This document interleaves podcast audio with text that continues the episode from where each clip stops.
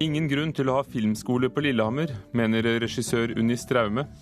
Er det én ting Janelle Monet viser under konserten på øya, er det at hun er en velsignet liveartist og entertainer, ifølge vår anmelder, som var der. Ungdomssymfonikerne fyller 40 år. De har vært eh, av århundrets viktigste bidrag til norsk musikk, sier fiolinist Arve Tellefsen.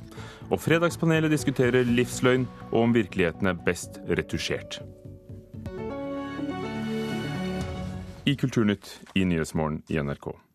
Det er altså ingen grunn til å ha en filmskole på Lillehammer. Det er det regissør Unni Straume som sier. Hun er også tidligere lærer ved skolen. Helt siden skolen startet opp på 90-tallet har det vært eh, debatt om hvorvidt det var riktig å legge den til Lillehammer. Denne uken har flere stortingspolitikere reagert på at Høgskolen i Lillehammer vil legge den nye mastergradutdanningen ved skolen til Oslo. I filmbransjen mener flere at det er helt nødvendig å legge filmstudiet til hovedstaden. Lillehammer der er det virkelig ikke noen grunn til at det skal ligge en filmskole. Det sier den erfarne regissøren Unni Straume, som bl.a. har laget filmer som 'Drømmespill' og 'Musikk for bryllup og begravelser'.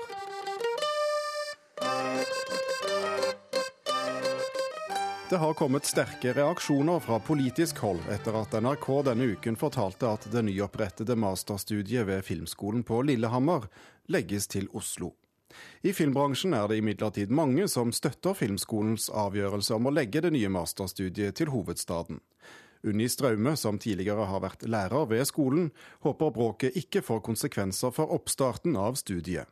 Det håper jeg inderlig at eh, de som jobber med dette på, på Filmskolen, eh, klarer å stå imot, og at filmbransjen virkelig støtter Filmskolen på dette. Fordi Eh, man må også ta i bruk fornuften av og til. Som kulturpolitiker for Høyre kjempet Olemic Thommessen for å få en masterutdanning i film til Høgskolen i Lillehammer.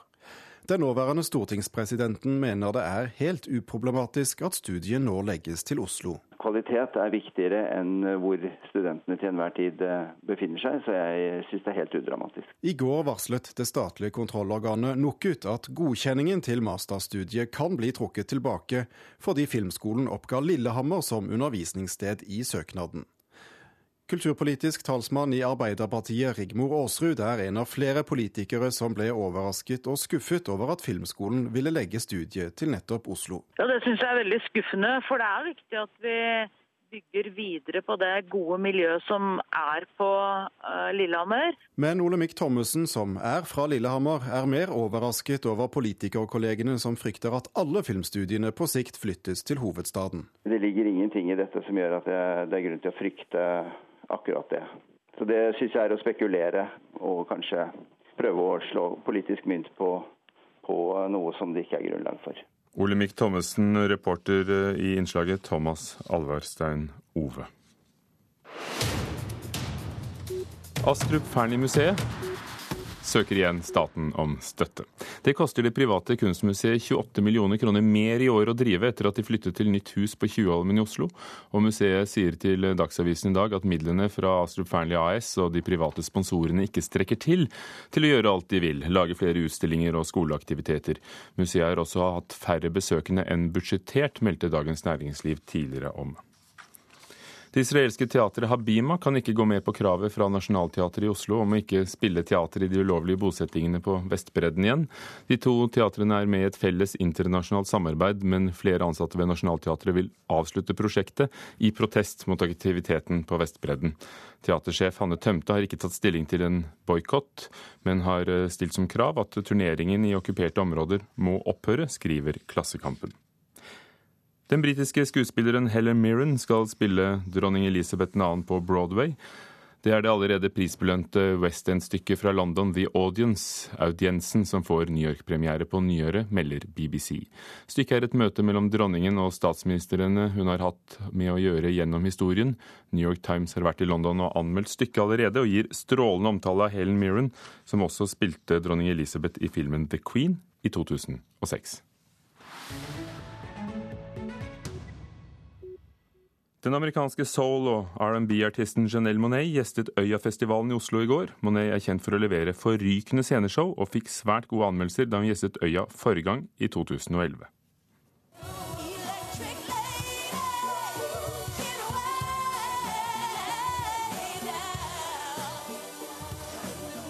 Dette er eh, litt fra Electric Lady, slik det låt på Øyafestivalen eh, i går kveld. Musikkanmelder i P3, Trine Åndal.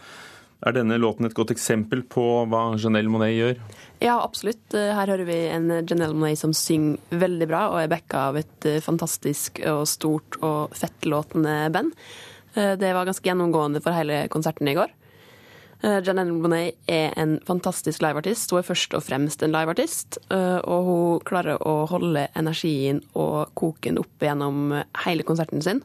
Hun har vært på øya siden 2008, flere ganger. Mm. Du var skeptisk til det albumet som hun eh, hadde med låtene fra denne gangen. Men hvordan fungerte det på scenen? Låtene var langt bedre live enn på det albumet som kom i fjor, som jeg syntes var litt tannløst og litt kjedelig. Så jeg var også litt skeptisk til om hun hadde utspilt sin rolle fra scenen nå, men eh, blei virkelig overbevist om at eh, hun i aller høyeste grad eh, hører hjemme der. og hvis hun fortsetter på det livenivået som hun holdt i går, så kan hun fort være en av dem vi ser i Telenor Arena om noen år og ha et show på størrelse med Justin Timberlake og Beyoncé, så lenge hun bare får litt mer bra materiale å vise til. Hvordan ble hun så stor? Hun begynte med en EP i 2007 som var en ganske sånn spesiell blanding av R&B, storband, soul og med litt sånn futuristiske elementer. Um, og så er det jo i stor grad evnene hennes fra scenen som har vært med på å bygge karrieren, i tillegg til at uh, det første albumet hennes uh, inneholdt veldig mange sterke låter. Så konklusjonen når det gjelder Chanel Monet i går? En svært god entertainer. Det er veldig mye show, uh, men også en veldig god artist. Etter to dager med Øyafestival, som du allerede har slått fast her i studio at det er eh, en av de aller viktigste scenene, også for ny musikk, eh, hvilke konsertopplevelser vil du trekke frem? Eh, det har vært veldig gode avslutningskonserter hver kveld med Queens of, the, Queens of the Stone Age og Outcast. Men det som har gjort mest inntrykk på meg, er norske Hanne Kolstø. En 33 år gammel artist som har holdt på ganske mange år, men som nå det siste året har på en måte kommet helt på plass. Hun lager ganske sånn dramatisk elektropop, men på konsertene så har hun med seg et backingband fra, som i stor grad består av musikere fra hardcore-bandet Rumblin' Rodos. Og det låter så utrolig eh, stort og bra. og den stemmen hennes live den uh, tvingte frem både gåsehud og tårer hos meg i går. Så der trilla jeg en sekser for, uh, for Hanne Kolstø på øya i går. Så når vi leser om alle de utenlandske talentspeiderne og journalistene som er på besøk, så betyr det at uh, det er store sjanser for at unge artister som Hanne Kolstø faktisk blir oppdaget? Ja, jeg håper virkelig at det var mange fra utlandet på den konserten i går, for da kan hun ha en lysende fremtid foran seg også utenfor Norge.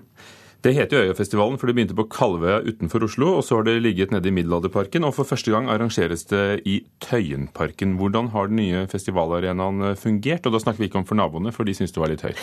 Ja, de syns det var litt høyt. Eh, men eh, for festivalgårdene så har det fungert bra. Det er større plass enn tidligere, og det er bra. Det som har vært litt utfordrende, er at utgangene som det er litt dårlig merka. Så på kveldstid så surrer det mye folk rundt og lurer på hvordan de skal finne veien ut. Eh, og så er det foran den nest største scenen, så har det ofte vært ganske mye trengsel eh, og litt vanskelig å få sett noe. Men, eh, men generelt så nyter festivalen godt av å ha et større område å boltre seg på. Takk skal du ha, Trine Åndal, musikkanmelder i NRK P3 om Øyafestivalen. Takk. Opprettelsen av Ungdomssymfonikerne har vært et av århundrets viktigste bidrag til musikklivet, mener fiolinist Arve Tellefsen. Dette orkesteret er bærebjelken i Festspillene i Elverum, som pågår denne uken. De fyller 40 år i år og er blitt avgjørende for å rekruttere klassiske orkestermusikere. Nå skal vi faktisk spille. Og, og innan vi spiller, så skal jeg si en ting til trombonene. Det er gruppeøvelse. En av utallige timer med beinhard jobbing alle ungdomssymfonikerne skal gjennom i løpet av sommerkurset under Festspillene i Elverum. Da tar vi tall 1. En 40 år gammel tradisjon som har vært helt avgjørende for norsk musikkliv, mener Arve Tellefsen. Det viktigste som har skjedd de siste 100 år i norsk musikkliv, det er nummer én kulturskolene eh, rundt om i Norge. Altså. Nummer to er ungdomssymfonikerne. Gruppeøvelser må til, men det viktigste for de rundt 100 ungdommene som hvert år er med på sommerkurset, er de mange timene med samspill. I grupper og fullt orkester. Her har Elverum blitt en helt unik utdanningsarena, mener Tellefsen. Nei, Den er jo veldig avgjørende, den, for skal den videre inn i et av de symfoniorkestrene rundt i Norge, så så må de jo ha mm, lært seg å spille i orkester, for det er litt annerledes enn å stå og spille alene. Og det lærer de seg her, da. Disiplin og samspill og samhandling. Det lærer de her på Elverum. Ungdomssymfonikere under ledning av Hans Ek. 1973 var ikke Veronica Maggio født. Hun opptrådte sammen med ungdomssymfonikerne denne uka. Men musikerne Harry Kvebekk og Leif Jørgensen hadde en drøm. Og sammen med dirigent Karsten Andersen lyktes de det året å danne et eget symfoniorkester for unge talenter.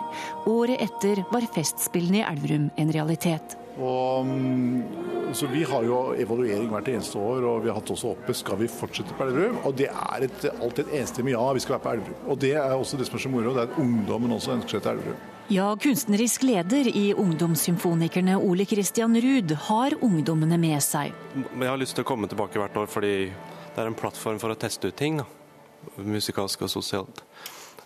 De, de gjør deg klar for arbeidslivet. Sier Audun Breen med en lang karriere i Ungdomssymfonikerne. Eh, Jeg vil kalle meg veteransymfoniker, det er vel kanskje litt mer treffende. Men eh, jeg har vært her i seks år på rad nå. Han skal snart ta med seg trombonen sin og starte sin profesjonelle karriere i Gøteborg. Og når du ser på orkesteret, ikke bare i Norge, men også rundt i Skandinavia, så er det fryktelig mange musikere som har vært i ungdomssymfonikerne. I Norge har halvparten av alle musikere i profesjonelle orkester vært nettopp i Elverum på sommerkurs.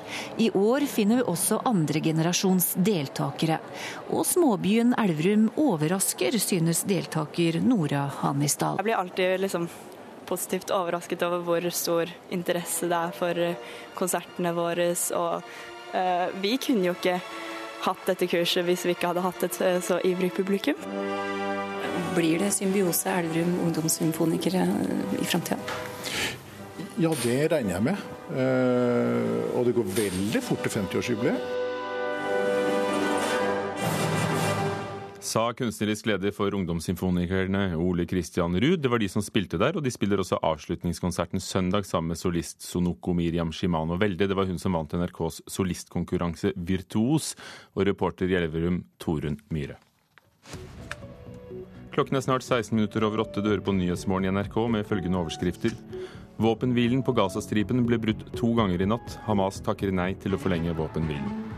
President Obama gir grønt lys til militært angrep på ISIL i Nord-Irak, og starter også humanitær hjelp til flyktningene på flukt fra ISIL. Og i Sverige er skadene etter den store skogbrannen større enn først antatt.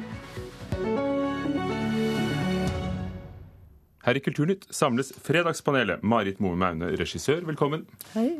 Anna B. Jensen, sjefredaktør i Morgenbladet, hei. Hei. Og Hege Duckert, kulturredaktør i NRK. God morgen. Første spørsmål. Per Gynt, både på Nationaltheatret og oppsetningen på Gålå, sier at de vil ta tilbake Ibsens egen Per. Han skal ikke lenger være eventyren som erobret verden, men en stakkarslig skrytepave, et lite flatterende bilde av nordmannen. Vil norsk teater ta livsløgnen fra nordmannen? Marit Moe Maune? Nei. Nei. Ja, jeg håper da det. Du som er eh, teatermenneske blant oss, Marit Moe Maune. Hva er det de gjør som er nytt? Jeg sitter jo egentlig litt sånn sjølopptatt her nå, for jeg satte opp Per Gynt sjøl på Trøndelag Teater. Det er litt mer hemmelig det som foregår utafor Oslo. Eh, Men uansett så satte jeg opp der, og selvfølgelig også da om denne skrytepaven. Så jo, han tar jo livsløgn fra nordmenn, for det tar jo den norske norskheten på en veldig brutal måte. Men det er ikke noe nytt at det tolkes som om han er en drittsekk. Det syns jeg egentlig vi har sagt i altfor mange år, at eh, norsk teater alltid har fremstilt seg som en sjarmør. For det er jo ikke det norsk teater har gjort. Jeg tror faktisk at mange av oppsetningene opp gjennom tida har funnet og lett i hva som er Per sitt problem. Og Per sitt problem er ikke at han er en drittsekk, heller ikke at han er sjarmerende. Per sitt problem er at han er verken varm eller kald. Han velger aldri verken å være slem eller snill. Han står nemlig aldri for noe av det han har gjort. Og når eh, Solveig vil flytte sammen med en, og hans ekssamboer, den grønnkledde, flytter inn i naboleiligheten og er gravid. I stedet for å ta konfrontasjon med Solveig, så stikker han av. Og det er nettopp den derre lunkenheten som er Per. Og det mener Ibsen er noe særegent norsk, og det er jo interessant.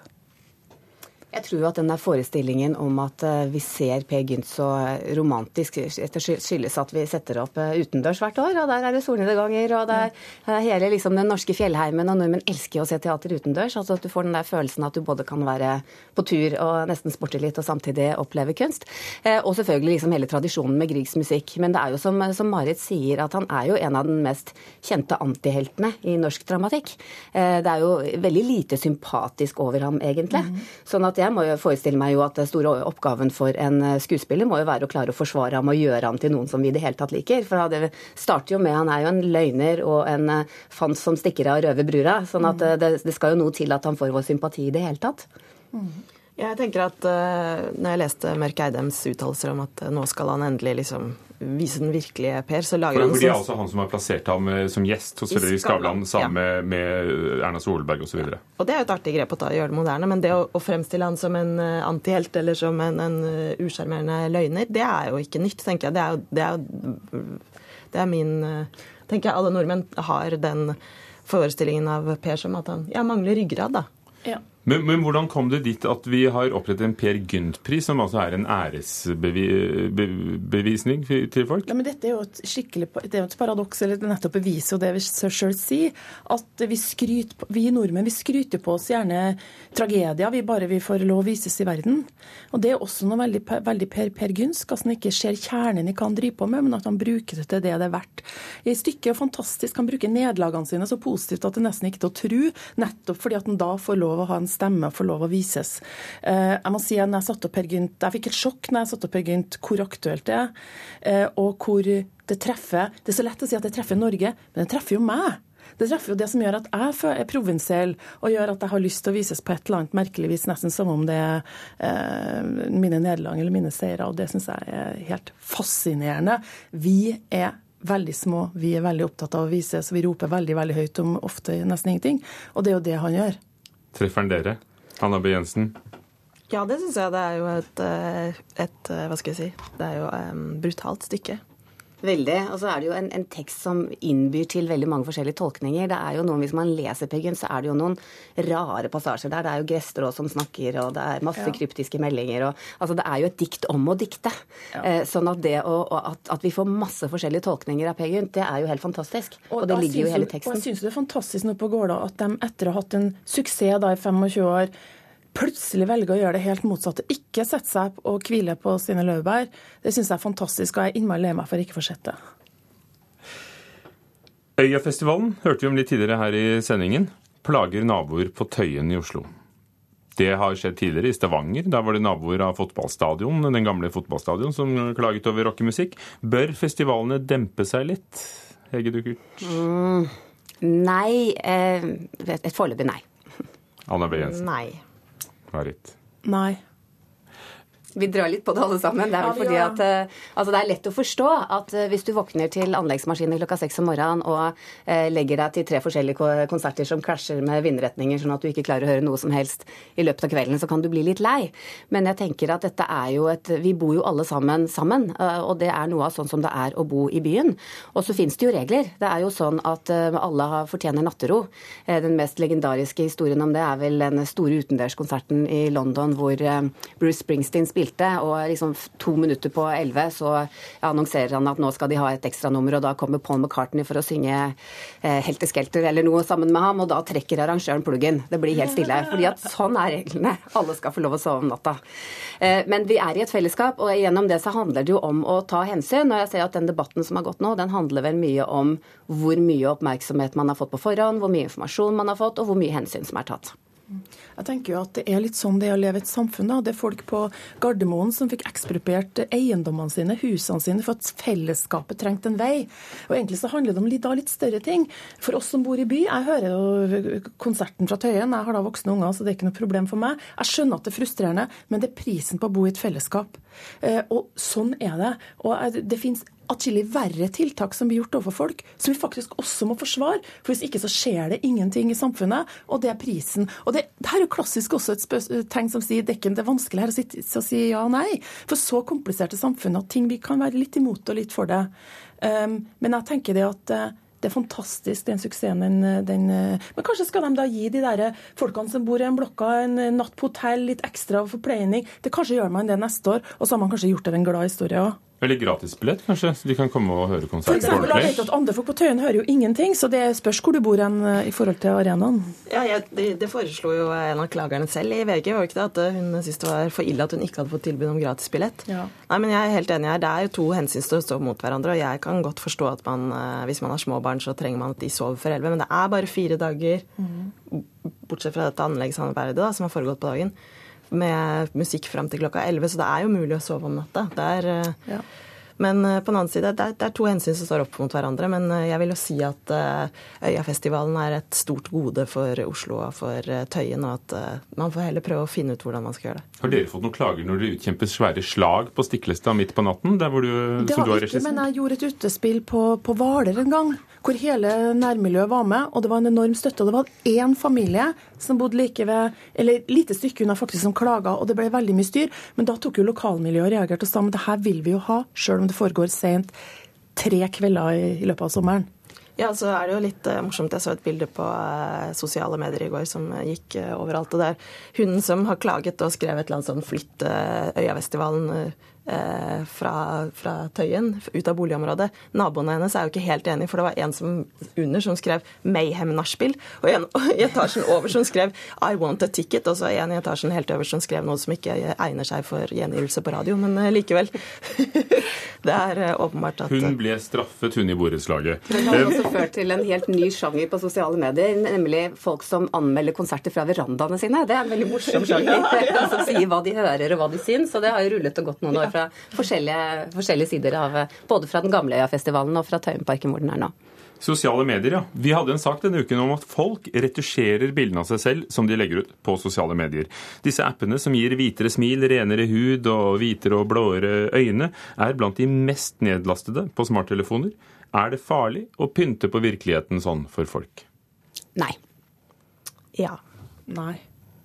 Hvorfor er det farlig? Har vi ikke alltid drevet helt siden i villanden og retusjert bildene?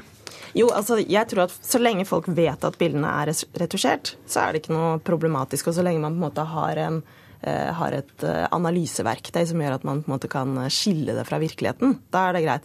Men det er flere store, flere forskningsprosjekter som viser at folks selvbilde og kroppsfølelse av hvordan kroppen er, påvirker veldig av hva slags bilder de eksponeres for. Som f.eks. et eh, forskningsprosjekt som lot damer lese først et dameblad, og så, eller altså halvparten dameblad, halvparten nyhetsmagasin. Og de som hadde lest damebladet, hadde svært negativ kropps, eller mye mer negativt kroppsbilde etterpå, mens de som hadde lest nyhetsbildet, hadde ikke, nyhetsmagasinet, hadde ikke blitt påvirket. Og Det er interessant, fordi det finnes også et forskningsprosjekt fra 2012 på NTNU som viser at tenåring, hvor de har fulgt tenåringsjenter fra de var tenåringer til de voksne, som viser at tenåringsjenter som er normalvektige, men som tror de er litt overvektige, de har større sjanse for å faktisk bli overvektige når de er voksne. Det er ingenting. Og, mens de som tror de syns de er helt fine, de, de er men nå, men nå, beskriver jo hun eh, å være passiv bruker av å se bilder. Det du spurte om, var jo apper hvor man faktisk kan gjøre det sjøl. Og det da ved en sånn app så ser man faktisk hvordan det her fungerer. Man kan ta seg sjøl, og så kan man ved en del grep gjøre det samme med seg sjøl. Og jeg tror at uh, uh, doing is learning på et vis. At da ser man denne sammenhengen. Jeg tror nett nettopp å få ut bevisstheten på at det der skjer overalt. Gjennom, og de appene, jeg snakker jo da også for at jeg omgås mye tenåringer, så tror jeg på et vis at det, det Og dem, det som er interessant, skjønner du, de er mye mer trent på oss på å se at ting er gjort. De har en helt annen bevissthet enn f.eks. min generasjon på de tingene her. Jeg er ikke så glad for at man driver og pynter og gjør folk mye tynnere og sånn, jeg får komplekser sjøl, men, men at en sånn app finnes, det er jeg ikke imot. Jeg tror også at man må skille mellom altså i, i, forhold til mediene, så er det jo veldig viktig at uh, vi som jobber i mediene f.eks. er bevisst på det og merker det f.eks. en avis. At man ser hvis noe, hvis det er gjort noen manipulasjon med et bilde, sånn at vi ikke fordreier virkeligheten. Men jeg blir jo nesten litt rørt av at folk tror at de bildene folk legger ut av seg selv på nettet, er ekte. Altså, Vi vet jo alle det at hver gang vi får en melding på Facebook fra et eh, utrolig vakker kvinne i Afrika, så er det ikke helt sikkert at det er akkurat sånn hun ser ut, eller at det er en kvinne, eller at det ikke er et byrå, eller Vi vet jo det at manipulasjon med bilder hele tiden, det er en del av de sosiale mediene. Så jeg tror ikke vi skal være naive i forhold til at vi tror at det som ellers legges ut, er ekte. Men eh, når da eh, kvinner får dårligere selvbilde av å lese de bladene som skal hjelpe dem å få et bedre selvbilde, eh, regner jeg med, damebladene, og så er det mange som møter hverandre på nettet, de må jo bli fryktelig skuffet da, når de ser virkeligheten i øynene etter å, etter å ha trodd at, at at den skjønnheten faktisk så ut som et helt vanlig menneske. Og det har vi jo masse eksempler på. Det er jo folk som uh, bruker hele formuen sin, eller blir ruinert, eller blir lurt og snytt på alle mulige måter. Men jeg, jeg, jeg tenker litt som Marit, at den bevisstgjøringen som du kan få, ved at du, at du ganske ung skjønner at bilder kan manipuleres, ting kan endres, det at det kan bidra til å ha den oppmerksomheten som man trenger for ikke å komme opp i den situasjonen som Anna her beskriver. Det er et næringsprosjekt som har sett på nøyaktig det òg. fordi hvis man lærer eh, unge damer og menn eh, altså å analysere bilder og analysere mediene og faktisk liksom for, forstå hvordan mediene eller bildet så, så, har de større motstandskraft mot det. Men ikke stor nok. Men er ikke, er ikke ungdom faktisk ganske smarte mediebrukere? Jo, eh, Se på Sommerkroppen 2014, som vi har hørt om, som er en sånn hashtag hvor folk da legger ut bilder av seg selv. Jo, noen legger ut flotte muskler og vaskebrettmage, men andre legger jo ut nettopp helt vanlige kropper for å gjøre narr av det samme. Det er jo bra. Men det er jo også en generasjon hvor psykiske problemer eh, eksploderer og sånn, så jeg, vil, liksom, jeg tror ikke vi skal være helt naive på at det blikket utenfra, da, som man uansett har, fordi det er et blikk på seg selv utenfra, at det ikke er utelukkende positivt, uansett hvordan det er. Og det er, klart at, det er klart at Når vi sitter og prater om det her nå, så blir det litt spissformulert. For det er klart at det bekymrer oss jo alle sammen. Det bør bekymre alle voksne mennesker, det som skjer på nettet. Men at de er smarte enn oss, de ungdommene. De er faktisk ganske oppegående, mange, altså. Takk skal dere ha, dere også. Marit Moe Meine, regissør, Anna B. Jensen, redaktør i Morgenbladet, og kulturredaktør i NRK Hegge Duckert. Og dagens fredagspanel, Kulturnytt var ved Per Ivar Nordahl, Espen Alnes og Ugo Fermariello.